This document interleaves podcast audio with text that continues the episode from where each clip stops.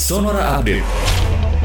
Sahabat Sonora, modernisasi dan penguatan alat utama sistem persenjataan atau alutsista menjadi sebuah kebutuhan di tengah upaya memenuhi kekuatan pokok minimum.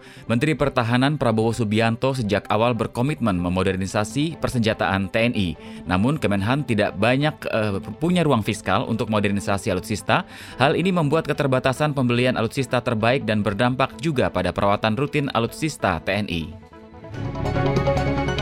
Klaster COVID-19 bermunculan di wilayah DKI Jakarta pasca lebaran. Wakil Gubernur DKI Jakarta Ahmad Riza mengatakan mengantisipasi lonjakan kenaikan kasus COVID-19 pasca lebaran, Pemprov DKI Jakarta melakukan sejumlah upaya. Menurut Riza, pemerintah Provinsi DKI Jakarta memastikan 7.671 tempat tidur, 106 rumah sakit rujukan, dan 9 hotel untuk isolasi, tempat tidur isolasi dan ICU, serta peningkatan kapasitas laboratorium untuk menguji sampel.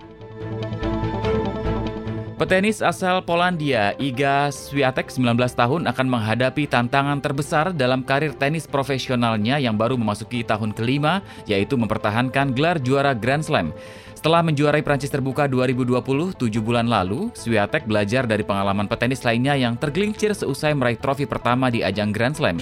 Hanya Serena Williams dan Maria Sharapova yang mampu dua kali juara dalam rentang waktu tersebut. Serena juara pada 2013 dan 2015, sementara Sharapova menjadi yang terbaik pada tahun 2012 dan 2014.